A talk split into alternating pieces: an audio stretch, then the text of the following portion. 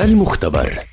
برنامج يقدم معلومات عن فوائد الفحوصات المخبرية. من تقديم الدكتور محمد عسعيس دكتوراه في المختبرات الطبية وأمراض الدم. المختبر برنامج يومي عبر أثير أجيال. أهلا وسهلا بمستمعي ومستمعات أجيال عبر منصاتها المختلفة. سحب الدم. تعتبر عملية سحب الدم أولى الخطوات قبيل إجراء الفحوصات الطبية المختلفة وبناء عليها يتم سحب كمية كافية من الدم مع اتباع الشروط اللازمة.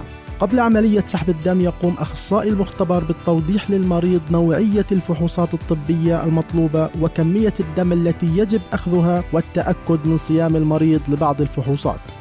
يفضل قبل إجراء سحب الدم الصيام لمدة 6 إلى 8 ساعات مع شرب الماء كالمعتاد حيث يعطي الصيام نتائج أفضل وأدق.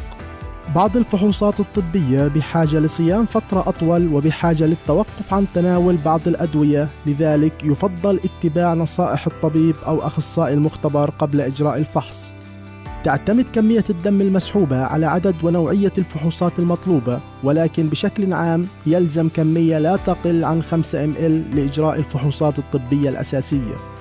يتم سحب عينة الدم بالعادة من منطقة المرفق أو من ظهر الكف وبالعادة يتم تحديد وريد واضح ومناسب لعملية السحب. يتم تعقيم المنطقة بالكحول ومن ثم يتم سحب العينة ووضعها في أنابيب خاصة اعتمادا على نوعية الفحوصات المطلوبة.